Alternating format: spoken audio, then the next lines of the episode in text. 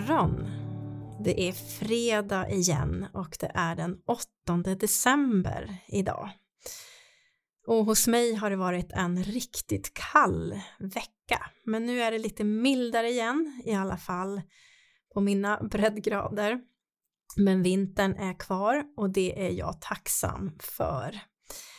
Det är ju också Nobelvecka och har du lyssnat på podden tidigare så vet du att jag har ju ett stort intresse för att följa forskning av olika slag och vill gärna dela med mig av sånt som jag själv stöter på och som ger mig förklaringar och vidga mina perspektiv eller bara få mig att tappa hakan.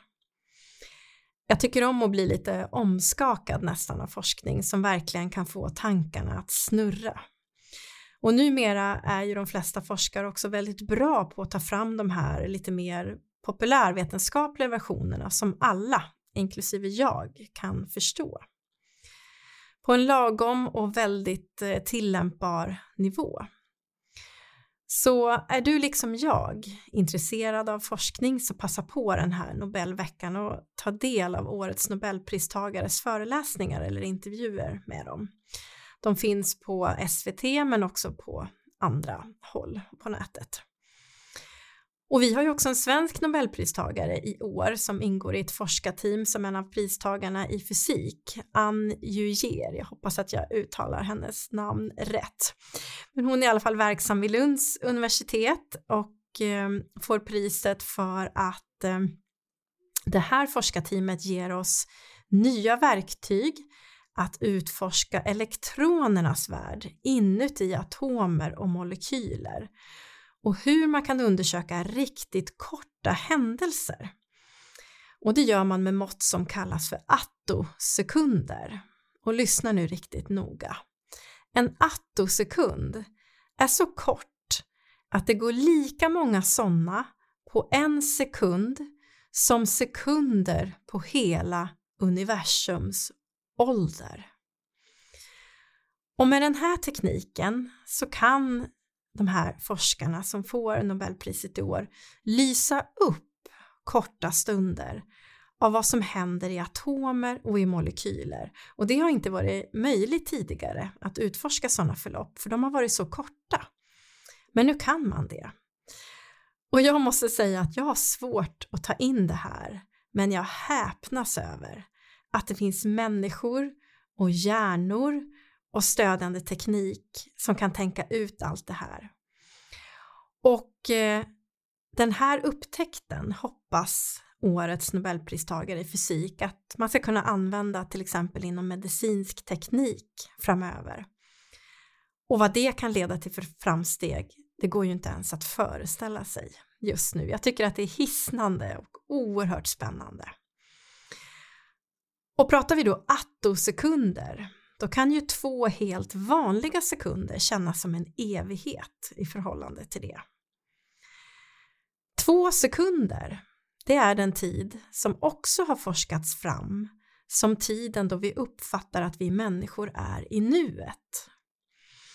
Det finns en forskare som heter Jan Almeng som har studerat att en rymd av tid som vi kan ta in och greppa som här och nu innan den har blivit ett minne eller tankar om det som kommer i framtiden, den är ungefär två sekunder lång.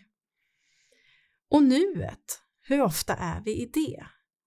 Hur ofta är vi inte på väg framåt i både tanke och rörelse?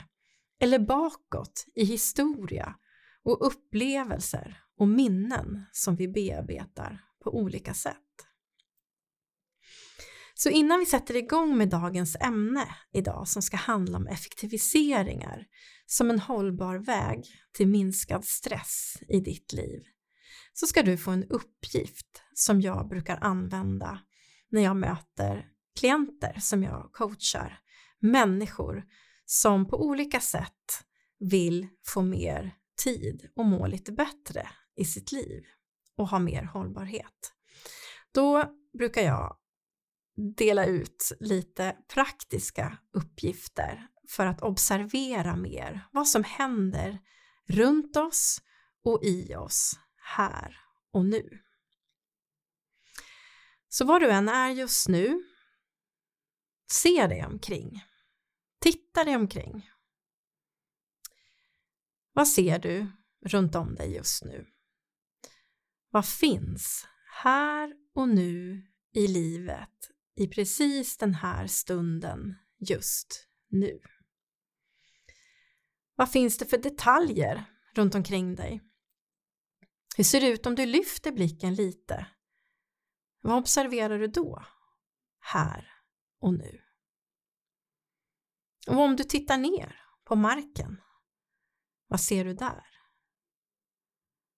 Och om du är utomhus eller sitter nära ett fönster och tittar upp mot himlen, vad ser du där?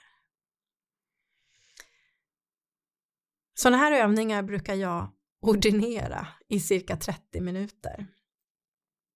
Det kan kännas väldigt länge att sitta på en och samma plats och observera vad som händer här och nu i 30 minuter.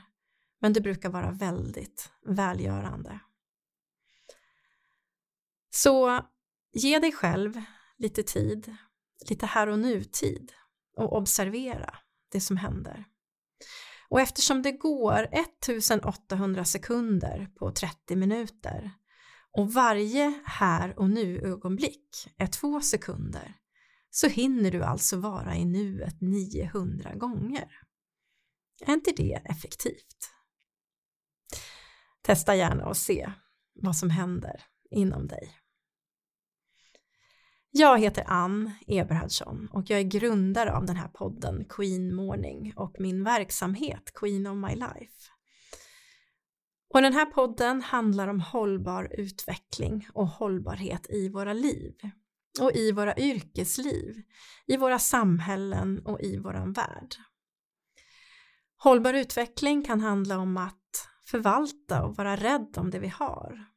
Eller att försöka erövra saker och ting för att det också ska gå att bo här i generationer framöver. Det kan handla om att verka för fred. Och även om den här planeten är en plats med många stora konflikter just nu så tror jag att vi alla kan vara med och bilda små öar, små ljusglimtar över den här jorden där det är fred omkring oss. Och hur kan du verka för mer fred runt omkring dig där du står?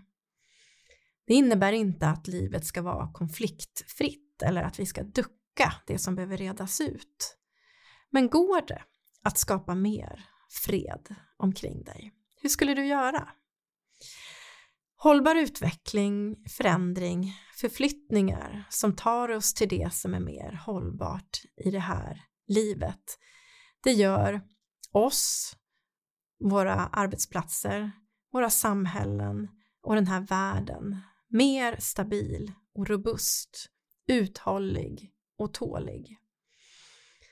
Och det handlar om hållbarhet precis där du tycker att den behövs. Och jag vill gärna göra kopplingen mellan vår inre hållbara utveckling och hållbarhet som människor som en nödvändig väg för att göra medvetna förflyttningar som också kommer andra och annat till nytta. Som ringar på vattnet eller som en liten låga som med mera syre kan bli en eld som värmer fler. När är du som mest effektiv om du får tänka efter? Eller vad är det som gör dig ineffektiv? Idag ska jag prata om effektivitet som en möjlig väg till att minska stress i ditt liv. Faktiskt en hållbar väg till att minska stress och åstadkomma mer hållbar utveckling. Och kanske är det så att du redan nu får upp pulsen lite och känner dig lite stressad över att jag pratar om begreppet effektivitet. Det är ett ord med många konsonanter, ett lite hårdare ord och ett ord som kan ha många olika bottnar för oss människor och många olika innebörder beroende på vem man frågar. Så jag tänker att vi börjar med att försöka landa in i vad effektivitet betyder i den här kommande halvtimmen så har vi samma utblick. Effektivitet för mig, det är ett begrepp som används för att beskriva det här förhållandet mellan ett resultat och de resurser som används för att uppnå det här resultatet. Och det kan handla om att vi refererar till hur väl en organisation eller en process eller en individ kan uppnå sina mål med minsta möjliga resursanvändning. Och därför är effektivitet en slags måttstock på hur väl någon eller något kan producera önskade resultat med tillgängliga medel på ett så smart sätt som möjligt. Att uppnå sina mål med minsta möjliga resursanvändning och här kommer vi verkligen in på hållbarhet tycker jag. Det finns ju många olika slags effektivitet som vi kan hänvisa till och relatera till i våran vardag. Och att ta de här medvetna stegen, ni som har lyssnat på podden nu några gånger, ni vet att jag pratar mycket om de här medvetna stegen. Det är när vi bestämmer oss för att ta de stegen som vi går mot mer hållbarhet och exempelvis en ökad effektivitet. Och det kan vara helt avgörande för att få en mer hållbar tillvaro och ett bättre och hållbart yrkesliv och att också kunna bidra till mer hållbarhet inom de områden som du verkligen vill engagera dig i och som du tycker är viktiga. Och många gånger så tycker jag att ordet effektivitet kan fel eller användas på ett felaktigt sätt. Jag har varit med om ett flertal omorganisationer i olika sammanhang. Det har säkert du också varit. Och eh, det jag har varit med om det är att det rätt ofta är ganska otydliga mål med en omorganisation. Alltså vad är behovet av att effektivisera? Och det blir särskilt tydligt tycker jag när man faktiskt istället kan märka en underton av att vi måste spara pengar. Ordet effektivisering det leder inte alls till några resursförbättringar vare sig när det kommer till tid eller pengar eller råvaror om det inte finns ett ganska gediget arbete bakom med målsättningar eller nyckeltal eller i alla fall avsikter med att effektivisera. Och den kommer inte heller att ske, effektiviseringen, om det inte är tydligt beskrivet och målsatt vad som ska effektiviseras i förhållande till vad. Vad ska bli mer effektivt och för vem? Och varför är en bra frågeställning innan man börjar skissa på hur det ska gå till. Runt år 2010 så var jag enhetschef i en organisation där vi just fick ett sånt effektiviseringskrav. Och jag minns att vi alla fick det skickat till oss som ett uppdrag, eh, var formulerat på ett väldigt eh, positivt och nästan eh, ja, optimistiskt sätt att nu fick vi ett uppdrag att vi skulle effektivisera. Det fanns bara möjlighet med det. Och inom tre månader så skulle jag ha effektiviserat min enhet och verksamhet med 35 procent stod det i det här underlaget.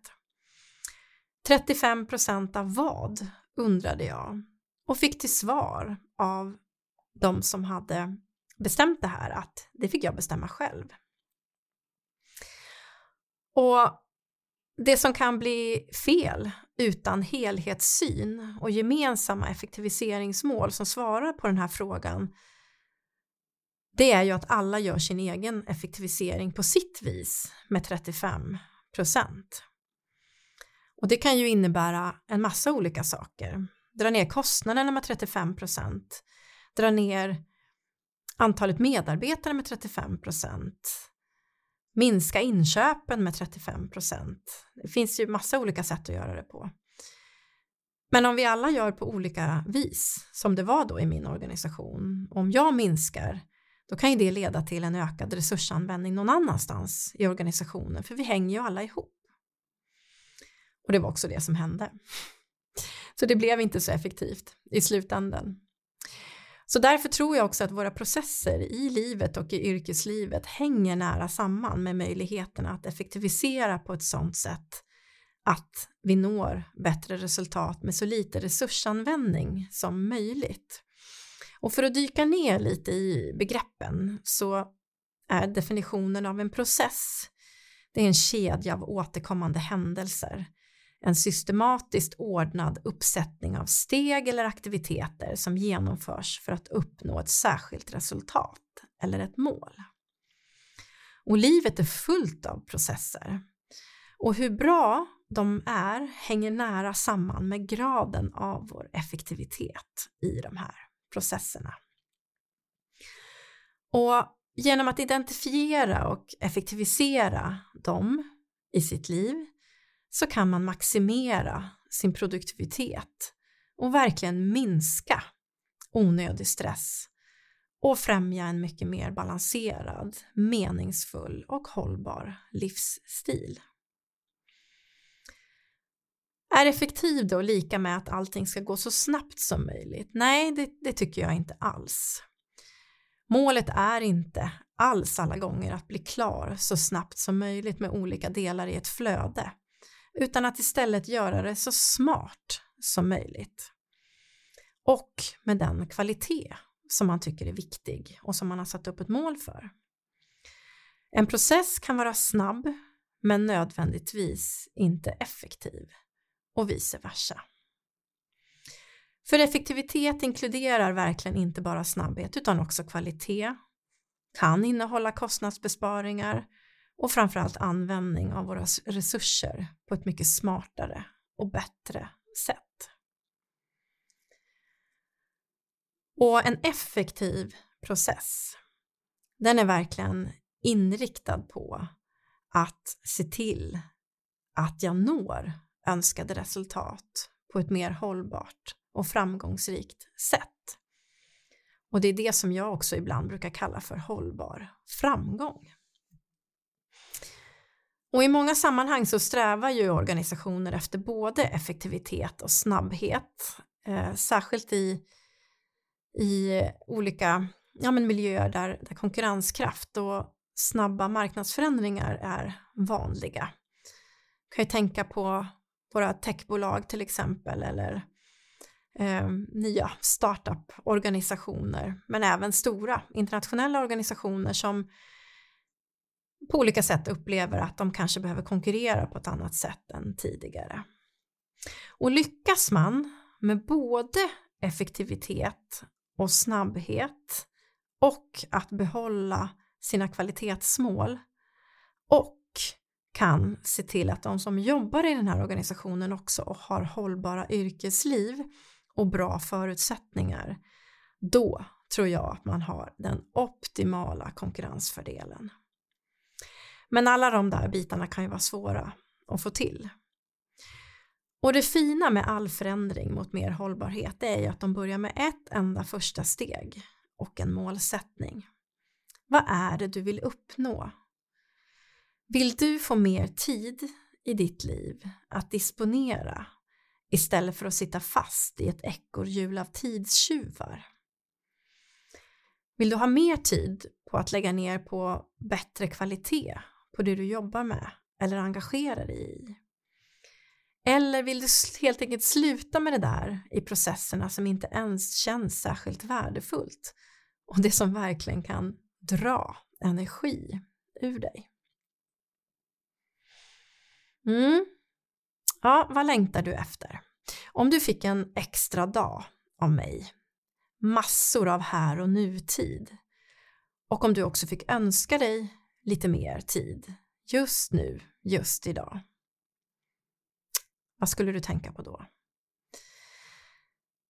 Att jobba med effektiviteten i ofta förekommande processer i livet och yrkeslivet, det kommer att minska din stress och du kommer att uppleva att eh, tiden räcker längre. Effektiviteten kan också hjälpa dig att minska din arbetsbelastning och ge mer utrymme för att fokusera på viktiga uppgifter och skapa balans. Och genom att vara mer effektiv så kan man också öka sin produktivitet och uppnå mer på kortare tid. Och det här när man kan få produktivitet och effektivitet att samarbeta, då når man ytterligare en nivå av väl använd tid och resultat och bästa möjliga användning av resurserna. Och det här med produktivitet, det kommer jag att prata om i en podd lite längre fram. Och effektivitet, det minskar också sannolikheten för att vi ska bli överväldigade och liksom överraskade av uppgifter och, och deadlines. Att ni vet att det kan kännas som att man har väldigt lång tid på sig eh, för att bli klar med en viss uppgift som ska vara klar i en viss tid. Men sen dyker det upp en massa andra grejer som stör den här processen och helt plötsligt så sitter man där med väldigt, väldigt lite tid kvar. Och den här ökade stressen som man upplever då, det påverkar ganska snabbt våra hälsomarkörer i kroppen. De som på insidan av oss jobbar väldigt hårt för att hjälpa oss balansera och må bra när vi inte riktigt lever så. Och om de där markörerna inte riktigt kan hjälpa oss längre med att vara krockkuddar för dålig sömn eller tidsbrist eller otydligheter eller ovisshet eller ständiga möten utan luft emellan, då kan de utvecklas till ohälsa som kan ta många olika uttryck och också ta lång tid att göra någonting åt. Och dit vill vi ju inte, det vet vi.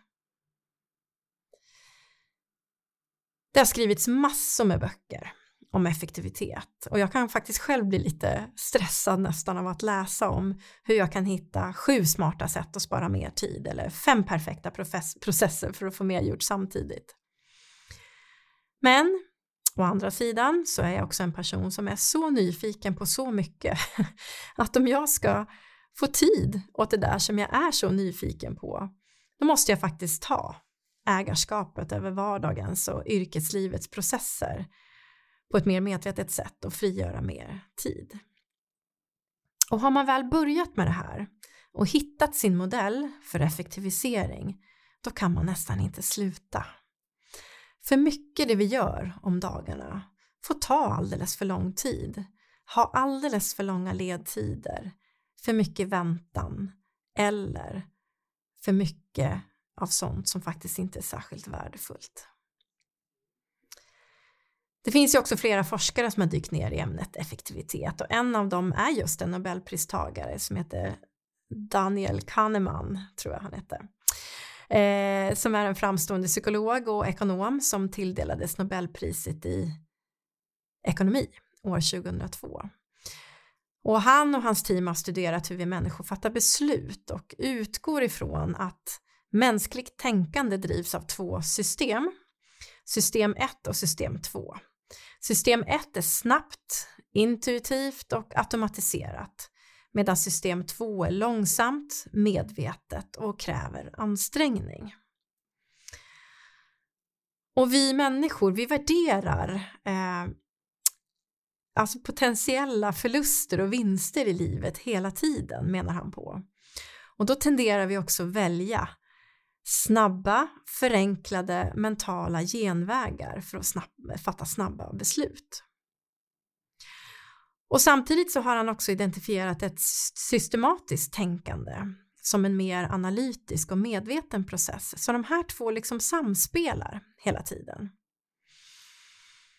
Och då kan vi jobba med den här mer analytiska och medvetna processen inom oss för hur vi fattar beslut och så kan vi få till effektiviseringar som vi vinner på genom att använda det snabba och intuitiva och automatiserade.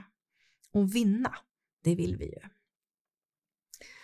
Så Kahneman hjälper oss med sin forskning att öka förståelsen av effektivitet genom att liksom lyfta fram de här psykologiska faktorerna som påverkar hur vi planerar och prioriterar och genomför olika uppgifter.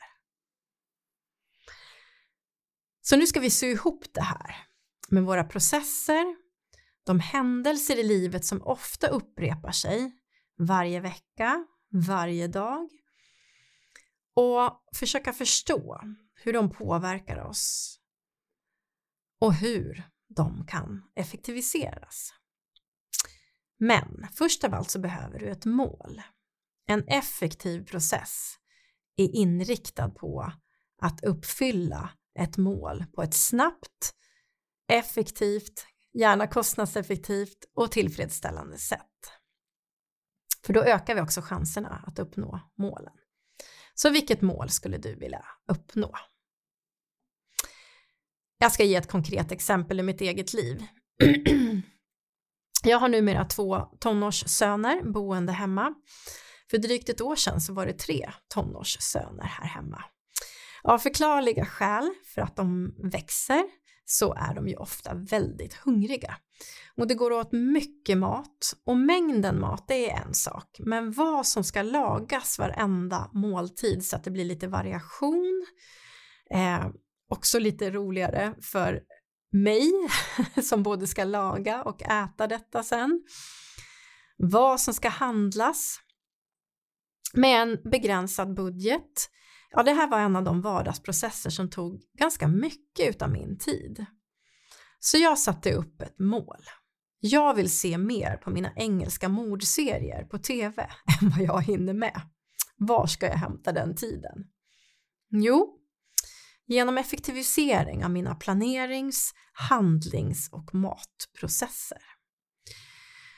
Och det här senaste året med eh, explosionen av möjligheter att jobba med AI så har jag hittat ett sätt att låta just AI ta fram veckomatsedel med den variation jag önskar med de råvaror jag vill ha recept anpassade för växande tonåringar och en hungrig mamma till en begränsad budget och med tidsangivelser för hur snabbt maten ska kunna lagas.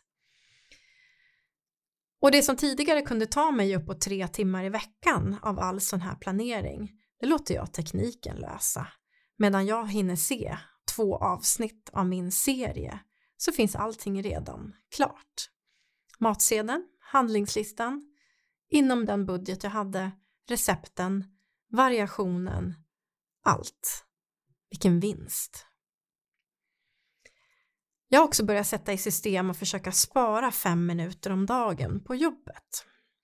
Eller snarare effektivisera in fem minuter om dagen på jobbet. Finns det någonting av det jag gör återkommande som jag kan göra lite smartare och snabbare så att jag sparar fem minuter om dagen. Och jag har hållit på med det här ett tag och det gör det. Jag är faktiskt uppe i att ha sparat in fyra timmar nu på en vecka, vilket gör att jag på fredag eftermiddagar kan avsätta de timmarna att ta hand om arbetsuppgifter som har kommit till under veckan, viss administration, omvärldsbevakning och lärande och så kan jag stänga min vecka med ett helt annat lugn och med planen klar för veckan som kommer. Och jag känner att jag hinner med på ett helt annat sätt. Så det vore inte riktigt rätt att säga att jag jobbar, skulle kunna jobba fyra timmar mindre. Men på de timmar jag har så har jag effektiviserat tid så att jag kan ägna mig mer åt det jag verkligen också vill göra men som jag förr inte riktigt hann med. Det där funkar inte på mig, kanske du tänker. Och det går ju inte att styra och optimera alla sina processer på egen hand. Nej, det vet jag. Vi är alla olika. Men jag är faktiskt övertygad om att om du sätter dig ner och observerar vad som tar din tid, vad som äter din tid och din energi och så börjar du titta på de här flödena så kommer du att se att det går åt en hel del tid åt sånt som du faktiskt kan göra någonting åt och som ingen annan kan lösa åt dig. Och jag ska ge dig några exempel. Du kommer att haja till, kommer att kännas i kroppen när du fastnar vid det som just du kan börja med idag. Otydliga mål. Få saker tar så mycket tid som otydliga mål. Vilka mål är otydliga? kanske på jobbet eller i livet i övrigt. Målsättningar som eh, kanske är för grumliga eller för eh, svåra att förstå sig på. Eller som kanske inte riktigt heller har någon koppling till det du hoppas ska förändras. Så, du kan behöva klargöra dina mål och bryta ner dem i konkreta delmål. Och det här med mål, det kan, det kan vara riktigt svårt. Eh, det är faktiskt ett, ett område som jag ofta får eh, stötta chefer och organisationer i, därför att man har lätt att krångla till det. Man tror att mål behöver vara så komplicerade. Och då kan det leda till väldig ineffektivitet faktiskt, ifall det är alldeles så otydligt. Mm, ett annat område då, det är att man känner sig överbelastad av olika uppgifter så att det blir svårt att navigera och prioritera. Då är det också väldigt svårt att vara effektiv. Här kan du behöva lära dig att sätta gränser. Eller åtminstone börja sätta gränser. Eller lära dig att prioritera. Det är också en sak som vi ofta pratar om att vi, ja men jag kan prioritera. Men kan man verkligen det? Prioritera handlar ju om att välja det som är viktigast först. Eller det som är svårast först. Eller det som kanske tar mest tid först. Alltså ordningen för hur man prioriterar, det kan se väldigt olika ut. Men prioritera, det är inte att försöka göra allting samtidigt. Och det är heller inte att göra ytterligare en lista med punkter på sånt som ska vara klart på fredag. Så det här är verkligen en vägröjare för effektivitet, att eh, jobba med prioriteringar och gränser. Sen har vi det här med delegering. Mm, det kan vara svårt att delegera. Alla har ju så mycket att göra. Och det går ju snabbare att göra det själv. Och dessutom så vet jag vilken kvalitet det blir på det. Men det kan vara så att, att, att utveckla delegeringsfärdigheter och identifiera de uppgifter som faktiskt kan delegeras till andra. Det kan vara en enorm effektivisering. Du behöver inte göra allting själv. Sen kan det finnas tekniska distraktioner. En överdriven användning av den teknik vi har. Vi har ju sådana otroliga tekniska möjligheter idag. Det kan faktiskt också leda till att man blir distraherad och tappar tid. Här finns väldigt mycket tid att hämta för oss. Och jag läste en studie här för en tid sedan att eh, en vuxen person i min ålder, 50-årsåldern, lägger ner cirka fyra timmar om dagen på att planlöst scrolla på telefonen. Fyra timmar. Mm, då kanske du tänker att det gör inte jag. Men börja lite och räkna och se vad du kommer fram till.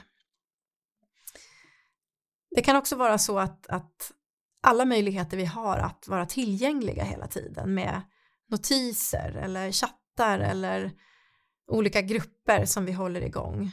Det är också enormt ineffektivt att ha det påslaget hela tiden. Och jag menar verkligen inte att eh, man inte får scrolla ibland och försvinna bort i den typen av underhållning, absolut. Men jag vet att det är många som sitter fast alldeles för mycket med sin telefon eller i sin dator eller inte stänger av de här notiserna fast man egentligen skulle behöva. Och då är det kanske dags för en detox på det området. Och det kommer jag också faktiskt att prata om i en podd lite längre fram därför att det här är en av våra största tidstjuvar och effektivitetsslukare. Det kan också vara så att du har en brist på att, att uppfatta tid, alltså en tidsmedvetenhet. Eh, vi är ju ofta tidsoptimister. Eh, vi tänker att uppgifter ska ta lite kortare tid än vad de egentligen gör sen. Och eh, det här gör att eh, Det finns inte tid för att göra uppgifterna på ett rimligt sätt. Det finns inte ställtid före och efter. Det finns inte någon tid för det som också kan hända som är oförutsägbart. Utan vi, vi gör alldeles för tajta scheman på olika sätt. Och här kan det också vara så att vi gör listor som vi aldrig hinner klart med. Eller att vi hoppar mellan uppgifter. Vi börjar här, fortsätter där, hoppar tillbaka dit för att sen gå över till den där listan istället. Och så blir hela dagen ineffektiv. Så här kan det verkligen hjälpa att träna på att göra en sak i taget. Och att förstå och samarbeta med sina två system i hjärnan, system 1 och 2 som Kahneman relaterade till. Och vägen dit, det är att försöka automatisera så mycket som man kan av sina processer för det som med fördel kan göras snabbt, intuitivt och just automatiserat för att frigöra tid för system 2 som vill jobba långsamt, medvetet och det som kräver ansträngning. Förstår ni hur det där hänger ihop? Vilka processer ska du då börja med? Kanske är det någon av dem som jag precis har gett exempel på. Eller så är det någonting helt annat du sitter och tänker på just nu. Vad är det i din vardag som tar orimligt mycket tid och vad vill du använda den tiden till istället? Sätt upp ett mål. Jag ville se fler avsnitt av mina serier. Det finns mycket annat jag vill göra också. Men när man börjar uppmärksamma det här och kanske också till och med mäter vid behov hur lång tid saker och ting tar för att få mer fakta att fatta beslut på och börja testa vad som händer när du faktiskt effektiviserar delar i en process då kan det faktiskt nästan bli beroendeframkallande när man upptäcker vad effektivisering av allt det här kan leda till. Och just nu så testar jag själv hur mycket jag kan effektivisera mina månader. Efter många år med små barn och hektiska månader så har jag istället satt upp ett mål att jag vill börja så många månader som möjligt på ett hållbart sätt för då blir hela min dag bättre. Så istället för att gå upp när klockan ringer eller snosa en eller två gånger och ligga efter redan från början hoppa in i duschen, fixa frukost lite snabbt, klä på mig, gå och småfrysa, känna mig uppe i varv ifrån början så har jag börjat med att jag lägger en kvart varje kväll på att ta fram de kläder jag ska ha dagen efter, packa väskan, se till att allting är klart inför morgondagen och jag vet det här är det många som skrattar åt men jag laddar till och med kaffebryggaren på kvällen för då kan jag när klockan ringer på morgonen gå upp, sätta igång kaffet, hämta tidningen och sen gå tillbaka till min säng en stund och starta morgonen lugnt. En sån effektivisering. Och jag är inte riktigt klar med den här processen än. Ehm, jag tror att jag kan optimera den lite till och kanske att nästa steg får bli att hitta någon app eller någonting annat som gör att jag kan starta kaffet ifrån sängen. Och det här kanske kan låta trivialt på många olika sätt, men jag hoppas att det ska vara ett, ett sätt som beskriver hur det faktiskt går att göra små förändringar när man uppmärksammar vad det är som tar tid i vardagen och förändringarna där, de kan leda fram till väldigt mycket mer hållbarhet i livet. Jag hoppas du förstår vad jag menar. Och är det svårt att veta vilken process i livet eller i arbetslivet som du ska börja med för att spara in mera tid som du kan använda till annat. Då kan man faktiskt också ta hjälp av en kollega eller du kan ta hjälp av mig eller någon annan. Och fråga helt enkelt. Om du kollar på mig när jag gör det här och det här eller om jag beskriver när jag gör det här och det här. Hur skulle jag kunna göra det mer effektivt? Det är en ganska bra övning att låta någon annan titta på det. Och kan du inte komma på någonting just nu, luta dig då istället tillbaka och fundera lite över det där med attosekunderna och hur man ens kan komma på att de finns. Eller sätt dig bara någonstans en halvtimme och se dig omkring och var lite här och nu, två sekunder i taget. För då kommer det att landa. Vad du vill frigöra mer tid för, vad du vill använda den tiden till. För mer timmar, det får du inte. Du har 168 timmar i veckan. Om du börjar med att frigöra en av dem genom att effektivisera någon process i ditt liv så kommer du att uppleva att det blir bättre. Och sen tar du en till. Och sen är du igång med en hållbar utveckling som kommer att leda till ett mer hållbart liv. Tack till dig för att du har lyssnat idag. Och jag hoppas att du som önskar att du vill byta ut stress mot mer hållbarhet, att du har fått med dig lite tankar på hur du skulle kunna komma igång och vad du skulle kunna börja med. Ett steg i taget, en process i taget.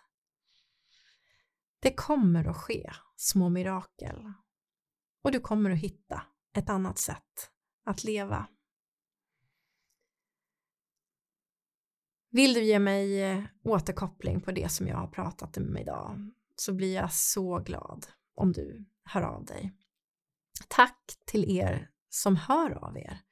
Och till er som lyssnar. Och tack för alla tips på ämnen som jag vill prata om framöver. Och för att ni delar med er av era tankar. Och allt det här som vi på olika sätt går med varje dag i veckorna, i livet. Och som vi tillsammans med andra kanske kan få kraft och energi att göra någonting åt. Och vill du veta mer om mig eller allt det som ryms i Queen of My Life så är du varmt välkommen in på min webbplats queenofmylife.se eller så kan du följa Queen of My Life på LinkedIn. Nu önskar jag dig en eh, fantastisk dag. En god Nobelhelg. Och ork att ta tag i det där som kan bli så mycket bättre. Var rädd om dig. För det finns bara en som du.